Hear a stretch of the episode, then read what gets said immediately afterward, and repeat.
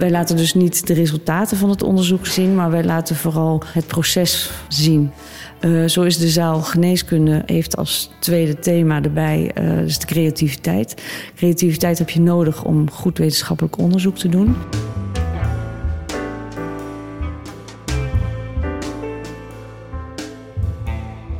Je zou zeggen dat er een soort uh, vibe was van uh, een hele interessante tijd. Dat zegt Donner zelf ook. En als je ook zijn documenten leest, dan voel je daar ook die nieuwsgierigheid. Die stond gewoon te trillen op zijn benen van enthousiasme van ik wil het weten. Dit is de podcast van de historische vereniging Oud-Utrecht.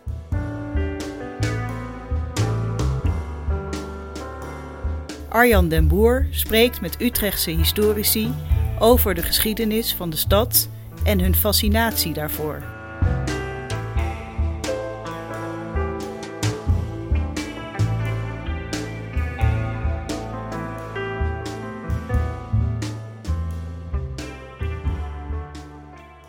Deze podcast komt vanuit het eh, vernieuwde Universiteitsmuseum aan de Lange Nieuwstraat. Afgelopen maandag is het eh, officieel geopend bij de opening van het academisch jaar.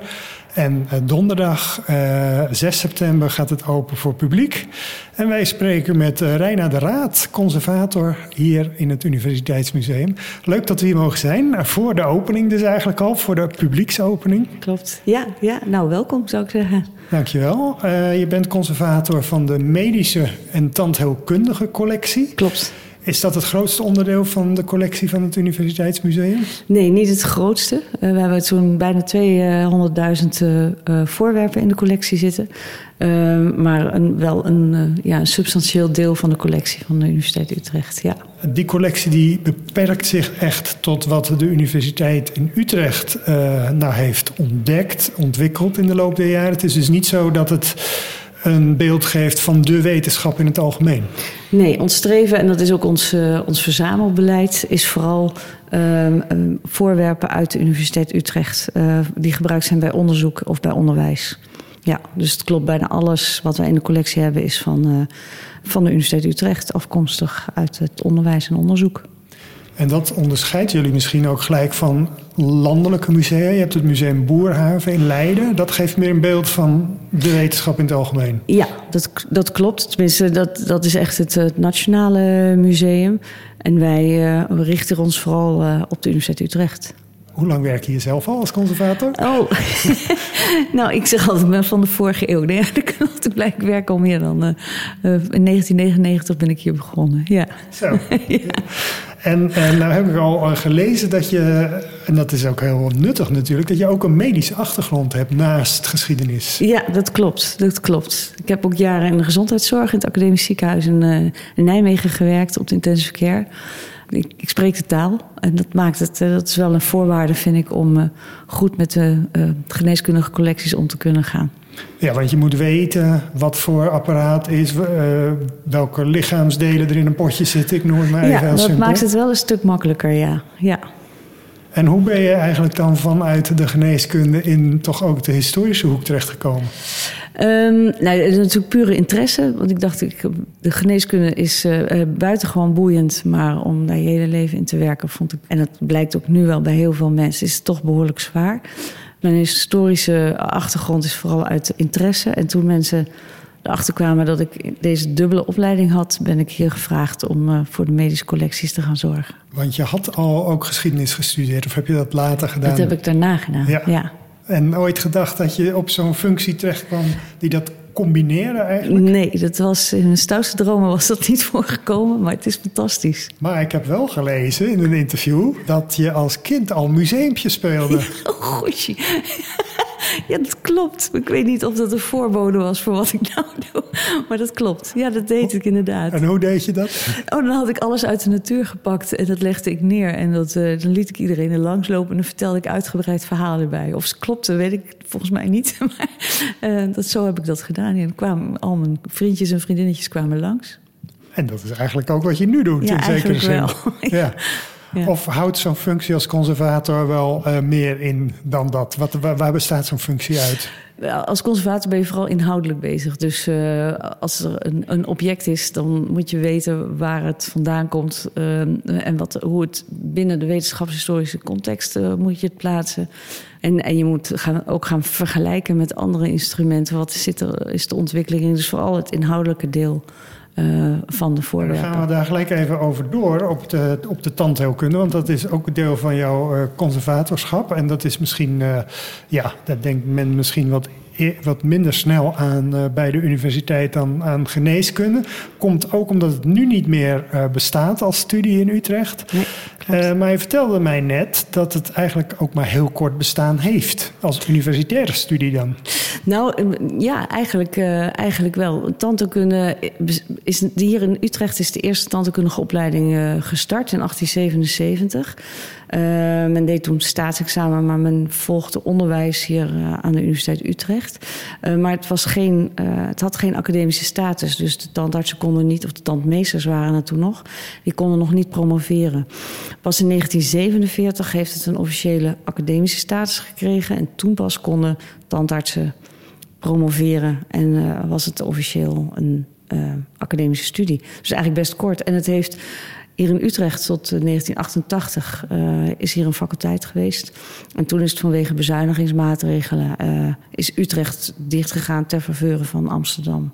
Ja, en daar is destijds uh, veel over te doen geweest, Zeker. geloof ik. Hè? Want dat ging uh, Utrecht wel aan het hart. Nou ja, terecht ook. Het is natuurlijk wel uh, heel moeilijk geweest als je de eerste bent en dan zo'n opleidingsinstituut hebt staan. Een gloednieuw instituut, hè, destijds in het Wendgebouw, wat nu het Wendgebouw is, de, de Holle Kies in Utrecht, ja. zoals die heet.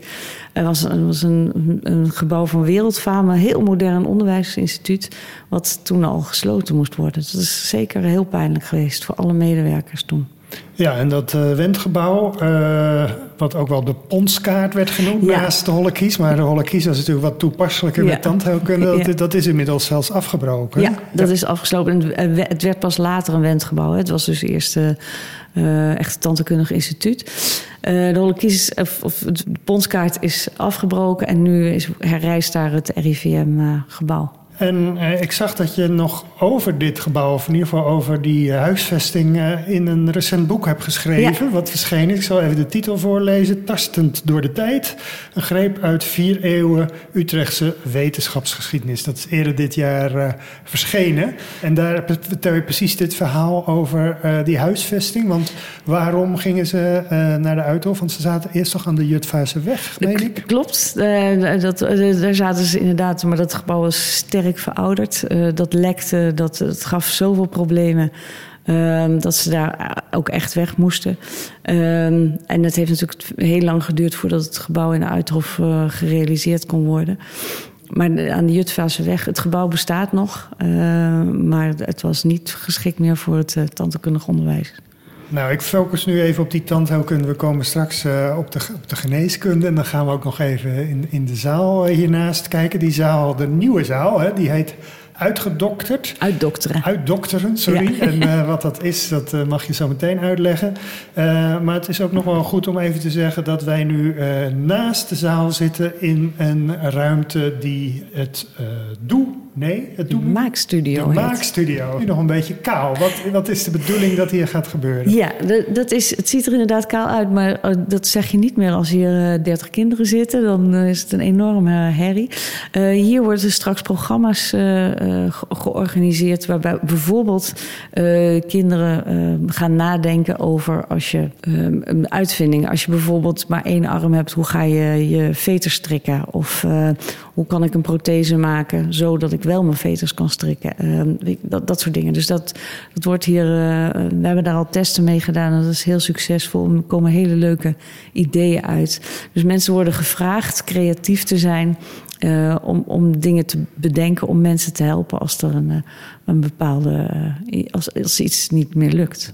Je hebt mij ook al verteld iets over de opzet van het museum. Het is, het is deels echt een doelmuseum voor ouders met kinderen geworden. Hè? Maar Klopt, er zit altijd een soort diepere laag achter, heb je mij verteld. Hoe, hoe zit dat? Er, zitten, er zijn vijf zalen ontwikkeld en in elke zaal staat een bepaald onderdeel van de collectie. Uh, elke zaal heeft een tweede thema, als het ware, uh, meegekregen. En dat thema is, uh, staat voor het, een proces in het, wetenschap, in het wetenschapsproces. Zo is de zaal geneeskunde, heeft als tweede thema erbij dus de creativiteit. Creativiteit heb je nodig om goed wetenschappelijk onderzoek te doen. Er is een zaal over de mens en maatschappij, waarin we veel meer ingaan op bijvoorbeeld data verzamelen, want dat is ook belangrijk in het wetenschappelijk onderzoek. We hebben een zaal experimenteren, waarin het gaat over experimenteren, omdat het ook een deel is uh, wat, wat heel belangrijk is. Evenals uh, kijken wij dieren, waarin het juist heel erg gaat over gelijken, want dat is ook iets wat een wetenschapper doet. Uh, wij laten dus niet de resultaten van het onderzoek zien, maar wij laten vooral het proces zien. En dat doe je onder andere aan de hand van de mensen uh, die het onderzoek hebben gedaan, hè, of de uitvindingen. Uh, zullen een aantal van hen, dus Utrechtse medische wetenschappers, de revue laten passeren. En uh, daarbij valt natuurlijk op, je kan het bijna wel verwachten, maar dat het heel veel uh, mannen zijn hè, eh, in, de loop, in de loop der jaren. Ja. Maar we zullen ook uh, één of twee vrouwen nog noemen. Want een juffrouw, die komt ook nog langs. Ja. Hè? ja.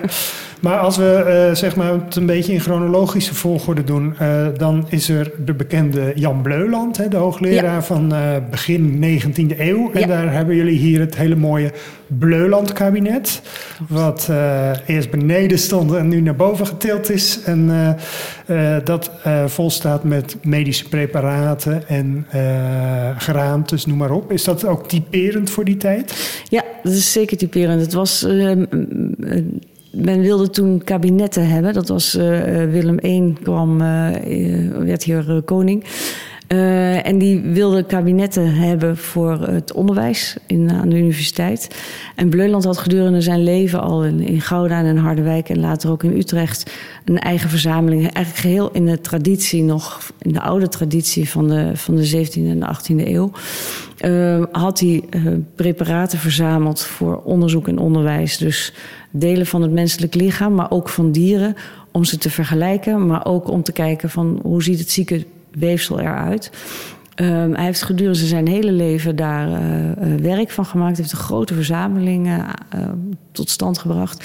En die is uiteindelijk aangekocht door koning Willem I. En die heeft het weer geschonken aan de universiteit. En uh, dat is overgebleven en dat staat hier nog. Ja, want het stond oorspronkelijk, althans toen het aan de universiteit werd geschonken, aan het Janskerkhof, ja, hè, waar nu klopt, de rechtenstudie ja, zit. Klopt. Ja. ja. En via allerlei omzwervingen, ja. uh, nog een gymzaal herinner ik mezelf uit de jaren 80, 90.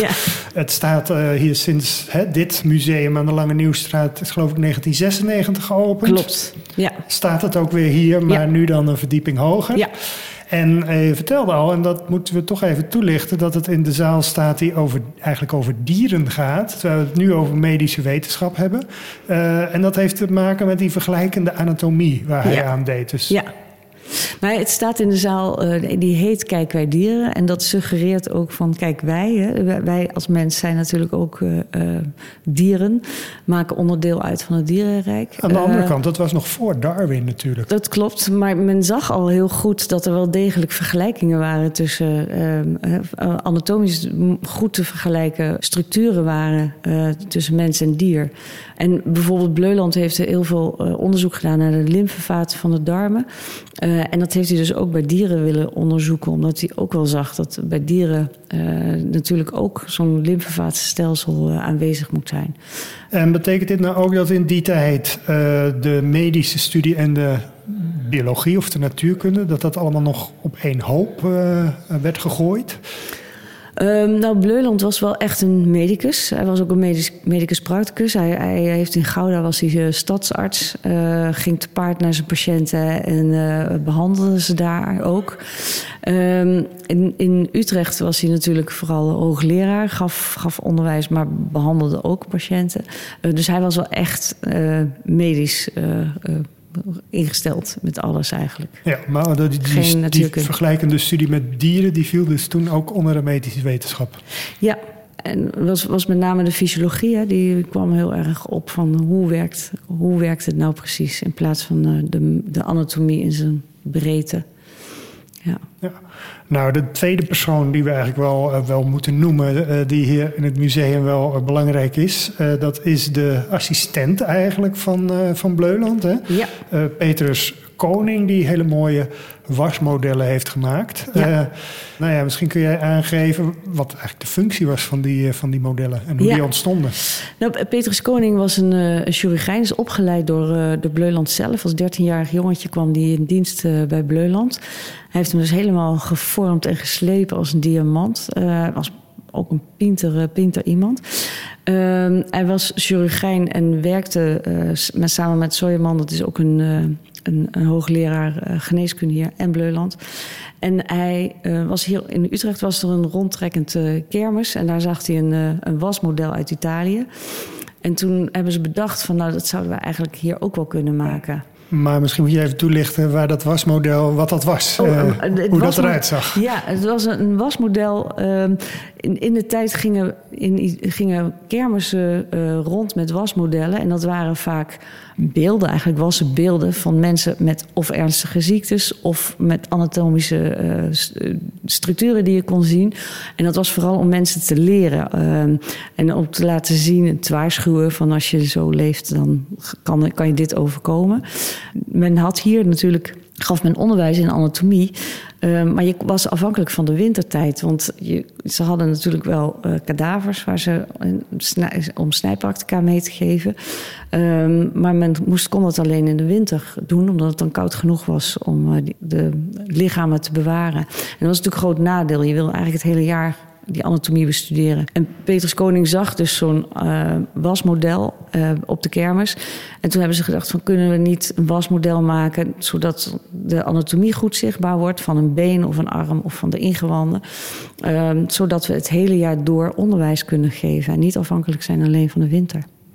En kennelijk had hij ook die talenten dan uh, bijna als een beeldhouwer, of niet bijna, uh, daar komt het op neer, om dat zo precies na te maken. Want dat zijn dus niet zoals je bijvoorbeeld gipsafgietsels hebt. Ja, het is waarschijnlijk dat, het wel, dat hij een deel afgegoten heeft, maar het is dus wel, uh, hij gebruikt ook gekleurde was en boetseert dat ook helemaal naar voren. Maar hij heeft het wel echt gedaan van, van, met een kadaver naast zich om het helemaal in vorm te krijgen. Ja, en misschien een domme vraag hoor, maar ik moet er opeens aan denken omdat het nu ook weer vrij warm is. Je zei net, je kan die, die, die lichamen niet uh, in de zomer gaan ontleden, want dat, dat kon toen niet goed gekoeld worden. Nee. Um, maar die wasmodellen smelten niet? dat is een hele goede vraag, want dat, doen ze inderdaad. Um, er waren er ook veel meer uh, dan wat er nu over is gebleven. Um, en ze, bij 36 graden neigen ze al tot, uh, tot smelten. En ze zijn ook wel eens in het Anatomisch Museum boven op, uh, bovenop een kast gelegd, waar het natuurlijk per definitie al warmer is. Dus zo zijn er heel wat verloren gegaan. Dus wat we nu over hebben is wel heel bijzonder. En jullie houden hier de temperatuur denk ik goed in Zeker, de gaten. Zeker, ze is speciaal, uh, speciaal geconserveerd. Ja, dat worden ze, ja.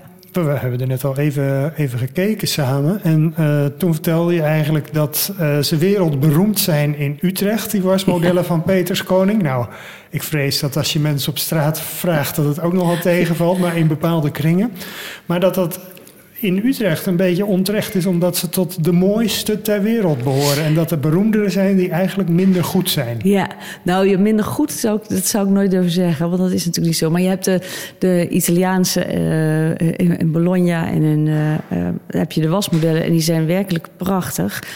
dat zijn bijvoorbeeld wasmodellen van prachtige jonge vrouwen met mooie blonde haren en een parelketting om, maar dan ligt wel de buik is een luikje waar je open kan maken en dan zie je daar dus alle ingewanden in. Dus het is volstrekt niet realistisch. Um, Petrus Koning is Hollandse nuchterheid en heeft dus hele realistische beelden of was, wasmodellen gemaakt. Um, en dat maakt ze zo uniek, want die zijn er eigenlijk uh, niet zo realistisch.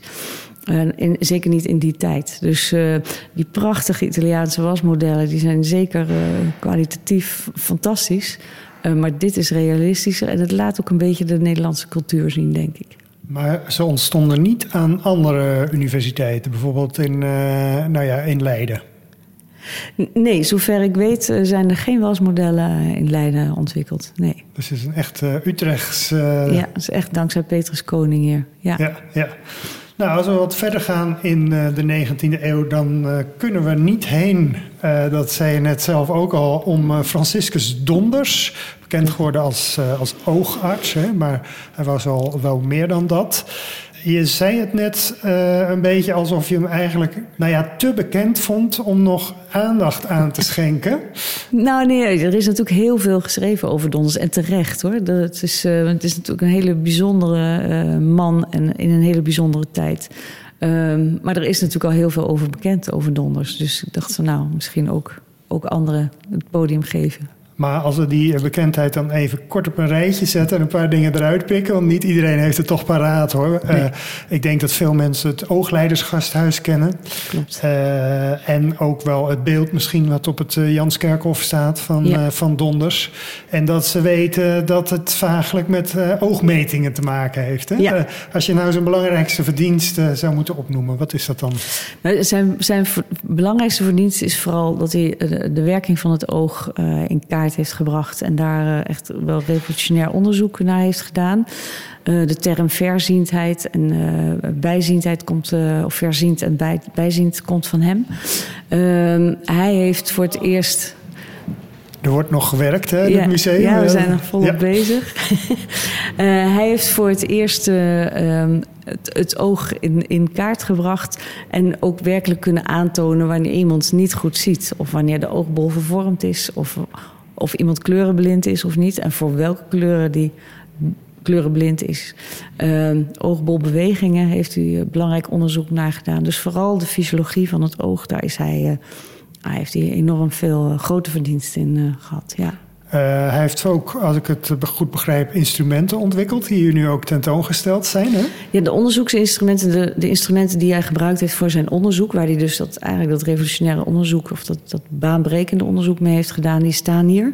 Uh, die heeft hij deels uh, bijvoorbeeld met zijn collega Helmholtz uit, uh, uit Duitsland heeft hij er een paar van vandaan gehaald.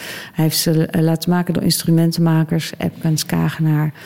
Um, mensen die heel belangrijk waren. Uh, en ja, daar, ik, ik heb zo'n idee dat ze daarmee gesparden, om een hedendaagse term te gebruiken, uh, om, om tot goede resultaten te komen, om een onderzoek uh, te, te doen aan het oog. Ja, en je hebt onlangs geprobeerd samen met hedendaagse promovendi, geloof ik, om met die instrumenten weer die metingen te doen. En dat is niet gelukt. Nee, dat was, uh, dat was inderdaad met, samen met een oogarts en een, een promovendus uh, geprobeerd om astigmatisme, dus de oogbolvervorming, weer te meten met de instrumenten die Donners ook gebruikt heeft. Uh, maar dat is ongelooflijk moeilijk. En we moeten dus op een hele andere manier denken dan onze 21ste eeuwse geest en weer een beetje teruggaan naar de 19e eeuw. Het is heel, die instrumenten zitten ongelooflijk knap in elkaar. Want je moet je bedenken dat je een dat je een vraag hebt van hoe meet je nou een oogbolverandering of een oogbolvervorming. Uh, en dan moet je dus gaan nadenken hoe je dat objectief kan gaan meten. Dat, is, uh, dat zijn hele uh, moeilijke vragen om daar een instrument op te maken. En die, die hebben ze samen ontwikkeld. Dat is heel knap. Dus je hebt eigenlijk door dat experiment meer respect gekregen voor Donders en zijn tijdgenoten? Ja, zeker. Zeker. Ja. Tegenwoordig druk je op, uh, zet je bij de opticien en die, uh, die drukt op een knopje en die, uh, die, die kan het zien, bij wijze van.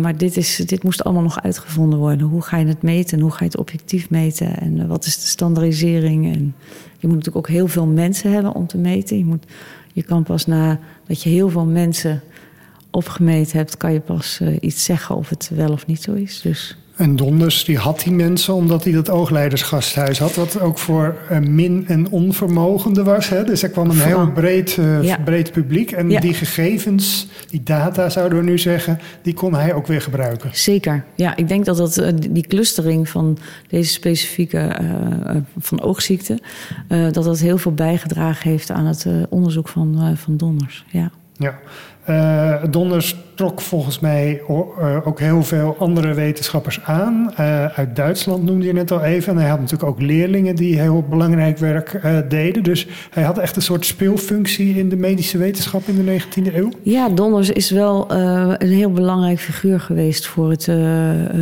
voor, het voor de wetenschap in de midden 19e eeuw.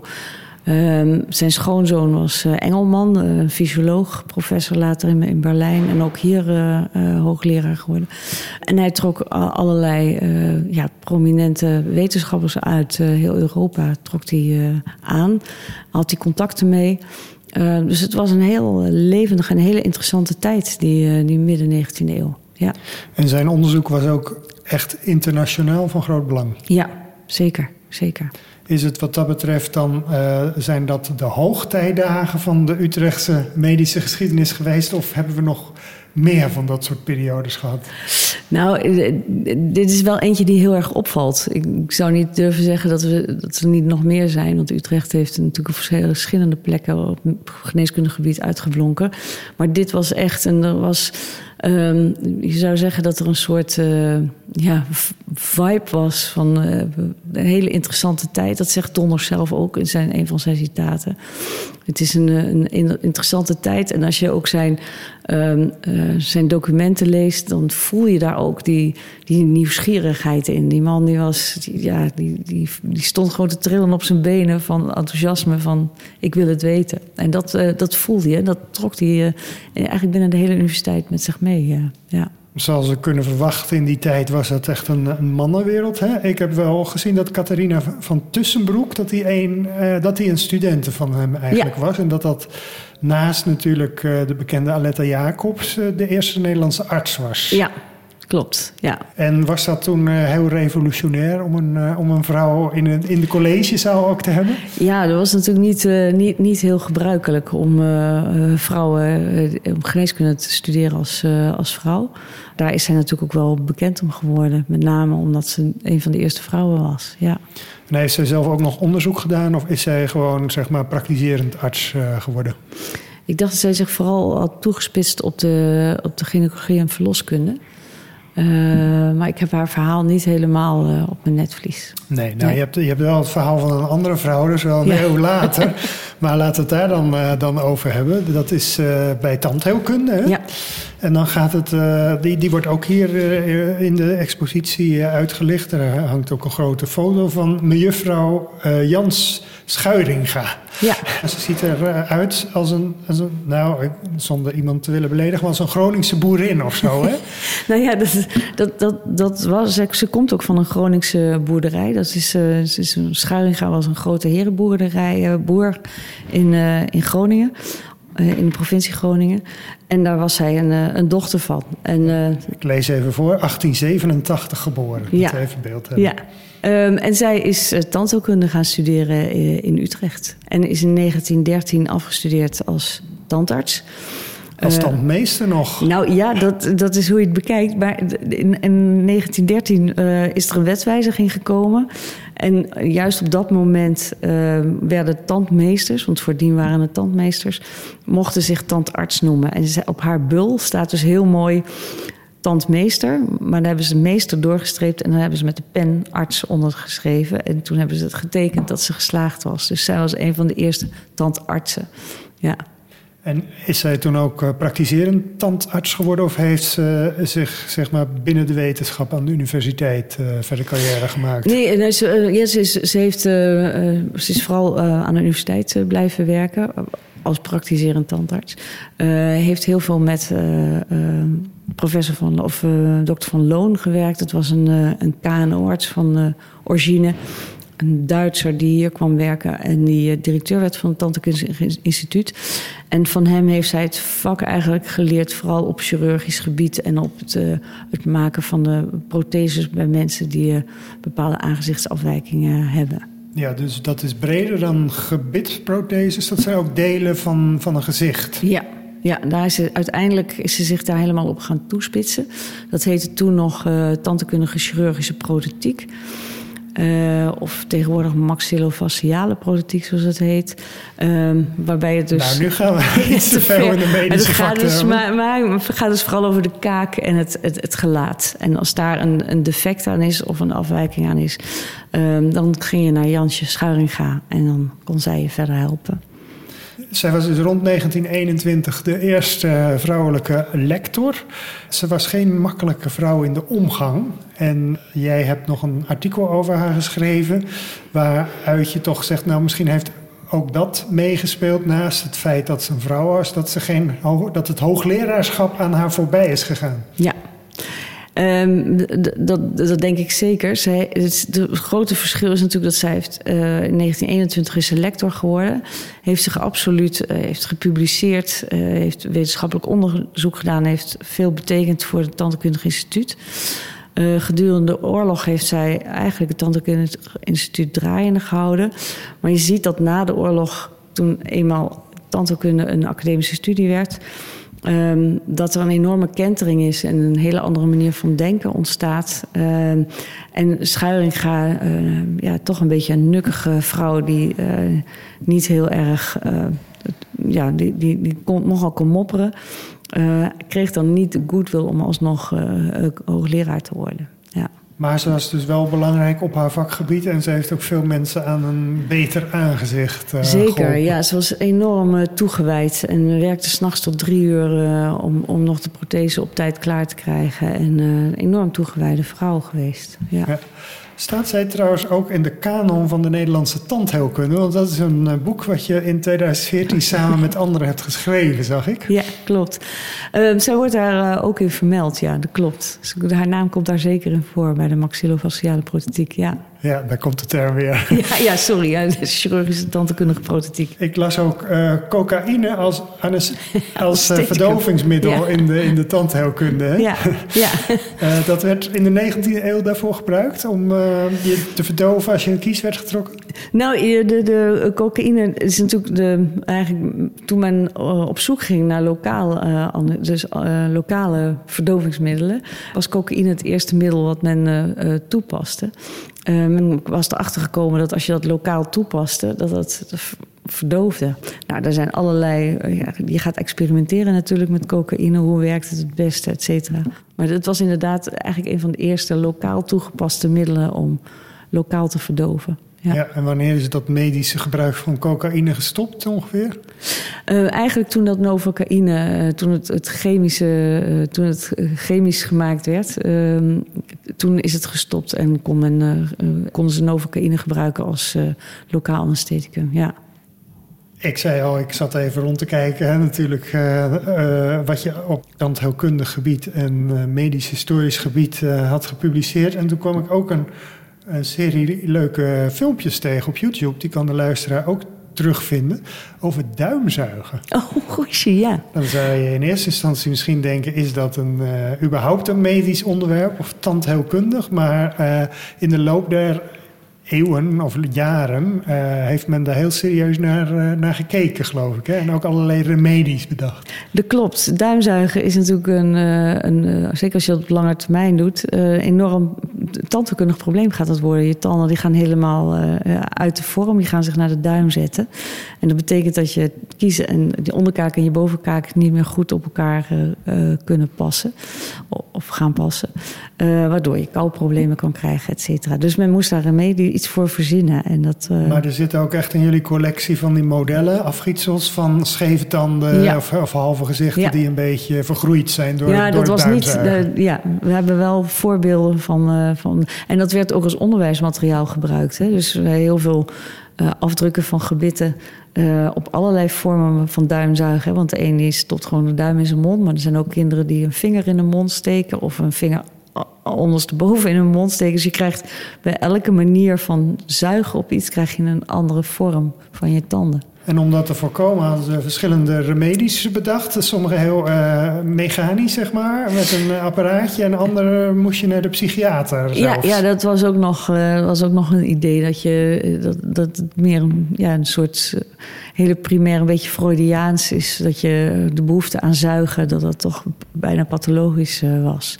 Maar kinderen werden ook gewoon in kokertjes gestopt en de handen vastgebonden om het duimzuigen tegen te gaan. Ja, dus dat ging er niet, uh, niet zachtzinnig aan toe. Uh. Nee, was niet. Dat zouden we tegenwoordig. Uh, ik hoop dat dat niet meer gebeurt, maar je weet het nooit. het is niet meer het advies in elk geval. Nee, nee maar ik, ik, zag in dat filmpje ook allerlei gekke instrumenten die dan in de mond of aan de mond werden bevestigd om dat duimzuigen te voorkomen, toch? Ja, ja er, zijn, er zijn allerlei maniertjes bedacht om, om, om dat duimzuigen tegen te gaan. Ja. Een middeltje op je duim stoppen, dat het heel vies is en zo. Ja. ja. Is het überhaupt nog een issue? Want ik hoorde, ik hoorde er geloof ik nooit meer over dat duimzuigen slecht nou, is. Ja, over hedendaagse... Dat, ik heb geen idee of dat nog heel erg... Het lijkt inderdaad geen issue meer, nee. Nee, we hebben het gewoon geaccepteerd of zo. Eh. Ja, maar ik denk dat, dat het, de bewustwording uh, een grote rol heeft gespeeld. Iedereen weet dat je... Dat het, Ouders weten dat zelf Precies, ja. ja. Nou ja, je zei net, en dat is een mooi bruggetje van hedendaags. Uh, in hoeverre verzamelt het museum uh, nu nog steeds uh, nieuwe medische apparatuur? Want die wordt natuurlijk heel snel, gaat de ontwikkeling tegenwoordig. Ja, ja nou het is, het is zeker niet bij te houden. Bovendien zijn de nieuwe uitvindingen niet altijd ehm, interessant, omdat het soms uit computeronderdelen bestaat. Uh, dus dat, dat, zijn, gewoon grote dozen. Uh, maar we verzamelen zeker. Uh, en nieuwe ontwikkelingen proberen we echt bij te houden. zoals nu bijvoorbeeld het kunsthart. wat we hier in de tentoonstelling hebben. Is twee jaar geleden of anderhalf jaar geleden is dat kunsthart hier in Utrecht geïmplanteerd. En een vergelijkbaar kunsthart hebben we nu in de tentoonstelling. Dus in die zin hebben we de ontwikkeling uh, kunnen we heel goed uh, bijhouden. Als, uh, dankzij ook de samenwerking met de hartchirurgie en het UMC.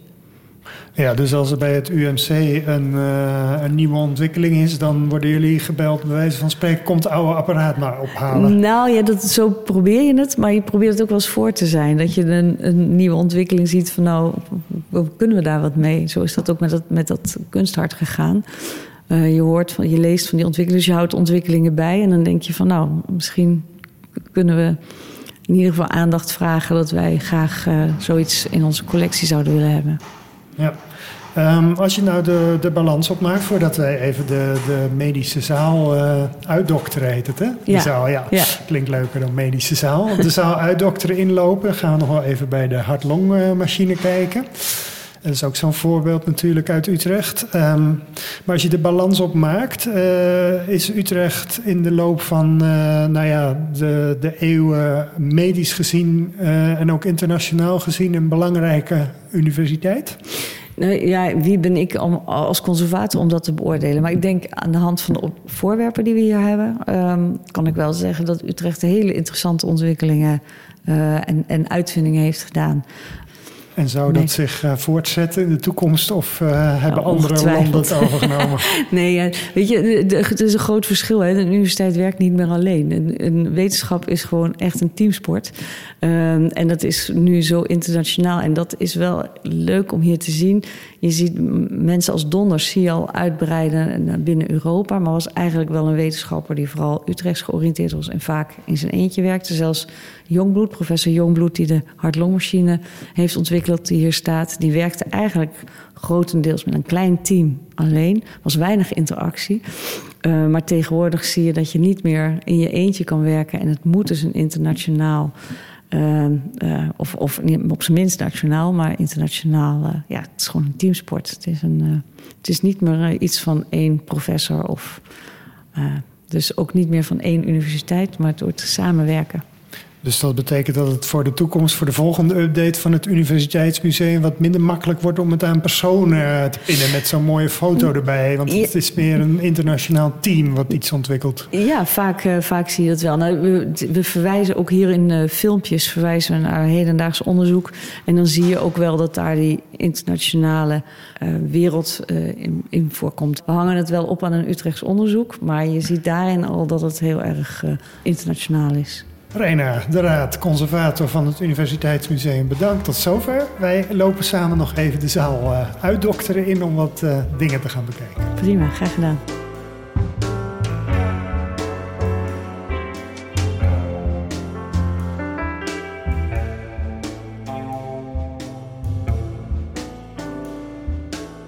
Reina, we staan hier bij de deuren naar de zaal uh, uitdokteren. Uh, wat gaan we daar allemaal zien? We gaan uh, de medische collectie bekijken, is een deel daarvan. Uh, en vooral uh, de medische collectie, de techniek en de inventiviteit die getoond is bij het maken van bepaalde instrumenten voor de geneeskunde. Ja, we hebben het in ons gesprek al gehad over meneer Donders. Hè? volgens mij zien we daar is hij dat, die, die uitgeknipte man die daar staat? Ja, dat klopt. Dat is uh, professor Donners. Dat is een, uh, uit een foto van hem... waarin hij eigenlijk op de schouder van uh, Von Greven, zijn vriend, leunt. Ook een beroemde oogarts. Of... Maar die heb je eraf geknipt? Die hebben we eraf geknipt, ja. Wat hier gelijk opvalt is dat je de originele instrumenten ziet staan eh, van Donders. Daar kun je misschien zo nog wat over vertellen. Maar dat we ook een soort uh, ja, doemmeubel zien waar mensen zelf aan de slag kunnen. Ja, dat zijn twee uh, ogen. Daar kunnen mensen gaan proberen uh, de oog te spiegelen. Want dat, daar was Donders eigenlijk ook, ook, groot mee geworden. Het kijken in het oog, dat was toen heel nieuw. 1851 is de oogspiegel uitgevonden. Donders is daar heel erg mee verder gegaan. En om te proberen om in het oog te kijken. Um, en dat kan, uh, kan men doen met deze twee uh, ogen die hier staan. Er staan ook zaklampen bij. Is het uh, de bedoeling mee dat je in je ogen schijnt? Ja, nou je moet eigenlijk op de spiegel schijnen en via het gaatje, je kijkt door het gaatje met het licht mee in het oog en dan zie je het netvlies. Um, en dan kan je de blinde vlek zien als je goed kijkt. En uh, gisteren was de opening voor genodigden en ook met alle hoogleraren van de universiteit. En ik begreep dat ze hier uh, al allemaal aan de slag gingen. Ja, het, was, het is een heel populair uh, ja, doe-instrument. Doe maar het blijkt nog helemaal niet zo makkelijk te zijn om oog te spiegelen, om in het oog te kunnen kijken. Dus. dus het is een attractie die geschikt is voor hoogleraren, maar ik neem aan ook voor kinderen. Voor iedereen, ja, zeker. zeker. Dit zijn de originele instrumenten van, van FC Donders. Uh, waar die experimenten mee herhaald zijn, die dus niet lukken om dat te reproduceren. Hè? Ja, ja. Uh, dat komt vooral omdat wij uh, de instrumenten nog niet zo goed begrijpen, denk ik. maar dit zijn inderdaad de instrumenten waar hij het onderzoek mee heeft gedaan. er staan vier typen instrumenten bij waarin hij onderzoek heeft gedaan naar verziend en bijziendheid. Dat zijn termen die hij ook bedacht heeft en gevonden heeft. naar oogbolvervorming, astigmatisme kleurenonderzoek heeft hij gedaan en uh, de oogbolbewegingen, daar heeft hij onderzoek naar gedaan. En daar staan allemaal voorbeelden van instrumenten hier waar hij dat onderzoek mee heeft gedaan. Ja, aan de wand uh, hangen ook van die kaarten met grote letters erop, van groot naar klein, die iedereen kent, zelfs van de opticien. Uh, is dat nou ook een, een uitvinding van Donders? Of... Nee, dat is van... Ik weet het al dus. Ja, ja. Uh, dat is van Snelle, dat is een uh, leerling van, van Donders. Zijn opvolger ook, hè? En zijn opvolger, klopt. Die is eigenlijk zijn, ja, zijn counterpart geweest en, later ook directeur van het uh, Oogleiders Gasthuis. Uh, die heeft eigenlijk de, een standaardisering bedacht voor het meten van, uh, van de oogafwijking. Was natuurlijk heel belangrijk voor de militairen ook. Hè. Er waren natuurlijk militairen die deden net of ze niet goed konden zien en om zo uit dienst te blijven. En het was dus van groot belang om dat te kunnen standaardiseren, om dat te kunnen door, doorprikken, om, om die, ook die militairen die maar net deden of ze niet goed konden zien um, toch te testen. En met deze kaarten konden ze in ieder geval een indruk krijgen, of althans precies zeggen van hoeveel uh, de oogafwijkingen betrof, wat, over, ja, wat het was. Zullen we een stukje verder lopen ja. naar de Groningse ja, mejuffrouw? Dame. Zeker. Nou, hier, hier staat ze. Ze prijkt op een doek hier. Uh, is te zien voor haar uh, bureautje waar ze aan gewerkt heeft. Uh, het is nog een heel klein bureautje en je kan je nauwelijks voorstellen dat ze daar nachtenlang uh, aan gewerkt heeft om die protheses te maken voor alle mensen die ze behandeld heeft. Want daar liggen allemaal tangetjes en mesjes in de lades. Ja. Ze was heel precies, want in die, uh, je ziet het nou niet goed, maar ze had precies de vormen, net zoals op een werkplaats, had ze precies de vormen van de tangetjes zo neergelegd dat ze daar ook weer precies teruggelegd uh, zouden worden. Dus ze was een heel precies uh, dame. Ja, en inderdaad, uh, het woord struis uh, dient zich aan als je de foto ziet. Ja, ja dit is, uh, ja, ze is een, een, dame die, die een mannetje kon staan, om dat maar zo te gebruiken. En op de foto staat ze met de gipsmodellen, die, waarvan we ook de echte gipsmodellen daarachter in de kast hier zien staan. Ja. Uh, dat zijn alle vervormde gezichten uh, waar zij, of alle, uh, de vervormde gezichten en gebitten waaraan zij werkt. Ja, zij heeft een verzameling aangelegd, vooral voor, voor het onderwijs. Zij wil de studenten laten zien hoe ze mensen behandelen, maar ook voor zichzelf. Ehm, daar heeft ze verschillende typen gemaakt. Ze heeft patiënten uh, af, afgietsels van genomen die een kaakprobleem hadden, een kaaktumor hadden en daaraan geopereerd werden. Of mensen met een open gehemelte, die behandelden ze ook. Uh, in, de, Eerste Wereldoorlog was het natuurlijk een enorm probleem. Hè? Die, de, de mensen in de loopgraven die staken boven de loopgraven uit, kregen een schotwond in hun kaak. En was zowel in Frankrijk en in Duitsland enorm uh, aangezichtproblemen. Wij zijn in Nederland uh, zijn wij neutraal gebleven, maar Schuiringa heeft heel veel geleerd van wat er gebeurd is in die uh, Eerste Wereldoorlog. Uh, en toen is het vak ook enorm opgekomen, omdat het zo belangrijk was voor die soldaten om weer delen van het gelaat terug te krijgen. En uh, heeft dus ook de kennis toegepast die zij van haar collega's in, geleerd heeft. En die protheses die werden dan ook gemaakt van een soort kunststof, uh, als, ik die, als ik die met die bril zie? Of? Ja, dat is, uh, ze werden in was gemaakt en daarna in een, uh, in een kunststof van acrylaat. En daarna werd het ja, bepoederd zodat je het niet meer kon zien. Wat bij deze presentatie heel erg leuk is, dat we ook samengewerkt hebben met bijzondere tandheelkunde in het UMC. Dus er zitten ook hedendaagse um, ja, voorbeelden in. Want tegenwoordig wordt er met een CT-scan maken ze een 3D, 3D uh, afbeelding van je, van je kaak. En kunnen ze precies van tevoren zien als ze een operatie gaan doen, hoe dat uitgevoerd gaat worden. Of uh, protheses kunnen ze veel beter maken op die manier. En die worden ook 3D geprint misschien? Ja, precies. Ja. Dus wat zij met die priegelige tangetjes uh, deed, dat hoeft niet meer? Nee, nou, ze werken nog steeds wel met tangetjes, maar het is inderdaad allemaal veel preciezer. Je kan het veel meer op maat nemen. Zo'n gipsafdruk om daar je prothese op te maken is veel minder, is, is minder nauwkeurig dan dat je een 3D-print uh, maakt. Ja. Ja. Zullen we naar de hartlongmachine lopen? Uh, er staan er zelfs, uh, zelfs twee. Dat was, uh, dat was trouwens Jacob Jongbloed, hè? De, de Utrechtse ja. arts die dat heeft bedacht. Ja, dat was de fysioloog. Of, um, en hij heeft in 1948 is hij begonnen, of al eerder, met het ontwikkelen van een hartlongmachine. Een hartlongmachine gebruik je om uh, op en in een hart te opereren. Het hart moet dan tijdelijk stilgelegd worden. En uh, Jongbloed is er dus mee bezig geweest om de, de bloedsomloop en het toevoegen van zuurstof aan, aan het bloed buiten het lichaam om te leiden. zodat het hart tijdelijk stilgelegd kon worden en de chirurg daaraan kon opereren. En daar heeft Jongbloed heel veel onderzoek naar gedaan heeft uh, met, met proefdieren gewerkt om, om dat uit te proberen. En hier staat dus de eerste, of de, de tweede is het eigenlijk, de machine die hij als proef heeft gebruikt. En even tussendoor voor gewoon de beeldvorming. Dit speelde zich denk ik allemaal af in het academisch ziekenhuis aan de Katerijnensingel, hoor, waar de gebouwen nog van staan. Ja, dat klopt. Uh, Jongbloed die, uh, werkt in het, uh, in het oude AZU. Klopt. Precies, ja. Nee, dat het ook even een plek geven in Utrecht. Ja. in dat, die eerste versie, of zoals je zei, de tweede versie, daar zien we zelfs, nee, ik kan het goed zien, inderdaad, fietskettingen verwerkt. Ja, dat is, het is ontzettend knap om, uh, om te zien hoe die uh, met pompen en elektromotoren en, en inderdaad de fietsketting een, uh, een hartlongmachine gemaakt heeft. en belangrijk is natuurlijk de spiralen die we zien. Dat, zijn, dat is een oxygenator. En daar werd het bloed doorheen gestuurd en daar ehm, werd zuurstof aan toegevoegd. En dat heeft Jongbloed, is een belangrijke vinding geweest van Jongbloed.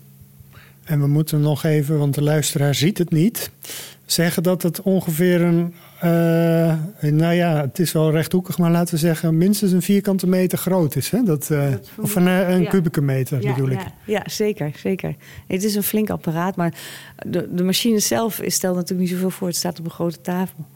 Ja. Ja, maar deze derde versie is dat dan, denk ik? Of in ieder geval later? Dit is, dit is de machine die uh, ontwikkeld is uh, door de machinefabriek... of de apparatenfabriek van Doorn in de beeld. Um, dat was met de bedoeling ook... Om, met Jongbloed? Met Jongbloed. Het is een machine van Jongbloed. Jongbloed heeft hier ook met deze, dit apparaat in, in Europa lezingen gegeven. dit is een apparaat wat commercieel werd uitgegeven... Oh ja, dus dat was een prototype en dit was het productieapparaat. Klopt. En deze is verkocht in Rusland, Frankrijk, noem maar op. Uh, maar het werd een beetje in de tijd uh, ingehaald, want ondertussen waren er al heel veel nieuwe ontwikkelingen op het gebied van de hartlongmachines. Dus hij is niet heel veel toegepast, omdat er alweer nieuwe ontwikkelingen uh, ontstonden. Zo gaat dat. Ja, ja zo gaat dat. Zullen we nog even naar de, de zaal gaan met de Bleuland kabinet als laatste? Ja.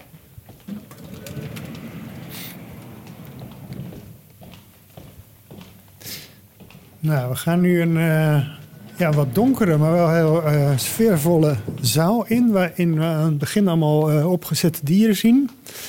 En tegen de achterwand, daar is het Museum Bleulandinum, staat er ook op. Hè? Dat is de kast die uit het, ja, rond het jaar 1800 is. Ja, dat, klopt. Uh, ietsje later, maar 1816. Maar uh, er staat inderdaad Museum uh, Bleulandinum op. Hij komt uit het Anatomisch Museum... wat aan het Janskerkhof heeft gezeten.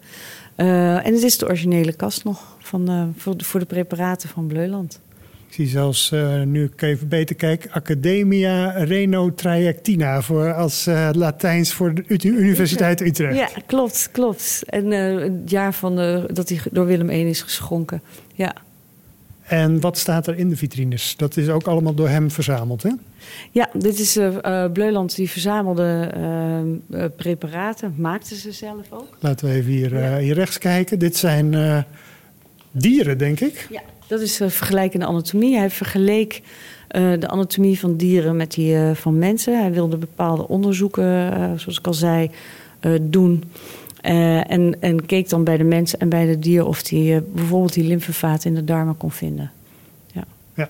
en hier zien we ik noem het maar even, verwrongen skeletten uh, van mensen uh, die uh, aan een vergroeiing lijden, denk ik. Klopt. Uh, wat natuurlijk voorkwam uh, is rachitis, de Engelse ziekte. Uh, daar staan hier verschillende voorbeelden van. Uh, Bleuland die gaf les aan de chirurgijns. En de chirurgijns die behandelden in die tijd botbreuken. Uh, dus die moesten goed op de hoogte zijn van uh, de botosteologie, zoals dat heette. En daarvoor had hij ook deze preparaten, droogpreparaten, nodig om die chirurgijns daarover les te geven. Ja. Uh, een vraag die ik me nu eigenlijk uh, opeens bedenk. Er zitten in jullie collectie natuurlijk een hele hoop menselijke resten. En hier hebben we het over complete skeletten van mensen. Uh, is de laatste jaren toch ook wel wat meer wordt daarover nagedacht? Van is dat, kan je dat tentoonstellen? Hoe moet je daarmee omgaan? wat is jullie beleid daarover? En is dat inderdaad veranderd? Of doen jullie dat nog op dezelfde manier als vroeger? Nou, ik denk wel dat het uh, veranderd is. Want je ziet dat de tendens inderdaad uh, veel terughoudender is. Um, wat we hier wel proberen is, dit, dit, is een basis waarop de kennis nu rust, hè, die er nu is. Dus wat ik hoop dat we hier kunnen laten zien is vooral uh, dat dit ons heeft geholpen waar we nu zijn met de geneeskunde. Maar vooral ook de fascinatie voor het, uh, het menselijk lichaam. Er was nog zoveel onbekend. En uh, men had zo de drang om, om te leren en te weten. En dat moeten we eigenlijk tegenwoordig ook nog hebben. Dus ehm, het moet vooral heel erg fascineren. In plaats van dat het heel beladen gaat worden. Ja, nou misschien dat er wat donkere verlichting hier in de zaal nog een soort van passend is. Laten we als laatste even naar de, de wasmodellen gaan. Hè? Die, uh, die dus eigenlijk volgens jou wereldberoemd in Utrecht zijn, maar wel nog bredere waardering verdienen. Ja, dat klopt. Nou, je ziet al hoe prachtig ze, uh, ze zijn gemaakt. Althans, ze zijn heel realistisch gemaakt. Dus studenten konden dus echt goed de, de anatomische structuren zien. En dat maakt het gewoon heel erg bijzonder. Ja, want alle adertjes die liggen over de. Of nee, die horen er niet bij, denk ik. Hè? Dat, nee, dit, nee, dit, dit zijn ja, ze. Maar ja. je ziet hier wel de, de aderen en die kleurden die dus. Hè, je had de aderen die werden blauw gekleurd, met een blauwe kleurstof in de was gedaan. En uh, het rode, dat zijn de slagaders, die, uh, dat stopte die rode kleurstof in de was. Zodat je dat goed kon zien. Ja, En als laatste hier achter de Bleulandkast, dat, eh, daar is een soort kabinet. Hè? Dat is feitelijk hoort dat niet tot de medische collectie, maar is wel uh, prachtig en wordt wel, uh, vertelde je, internationaal als echt een hoogtepunt erkend. Ja, dit zijn de, de dus dat zijn de glasmodellen van uh, weekdieren. Um, en dat, zijn, dat is helemaal van glas gemaakt en dat zijn echt ja, pareltjes, moet ik zeggen. Dus het is een soort schatkamer die erachter verborgen ligt. Ja, het lijkt een beetje de vitrine van een juwelier. Ja, ja, ja precies. Ja. Nou, Reina, ik wil je hartelijk danken uh, en feliciteren met het mooie uh, vernieuwde museum, waar je dus wel heel veel dingen kunt doen, maar uh, gelukkig ook nog heel veel authentieke objecten kunt, kunt bekijken. Zeker. Dankjewel. Goed, heel graag gedaan.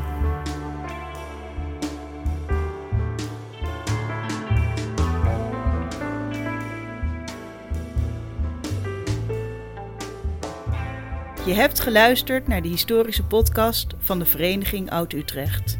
Samenstelling Arjan den Boer. Wil je deze podcast blijven volgen? Abonneer je dan via de gebruikelijke platforms of via www.oud-utrecht.nl.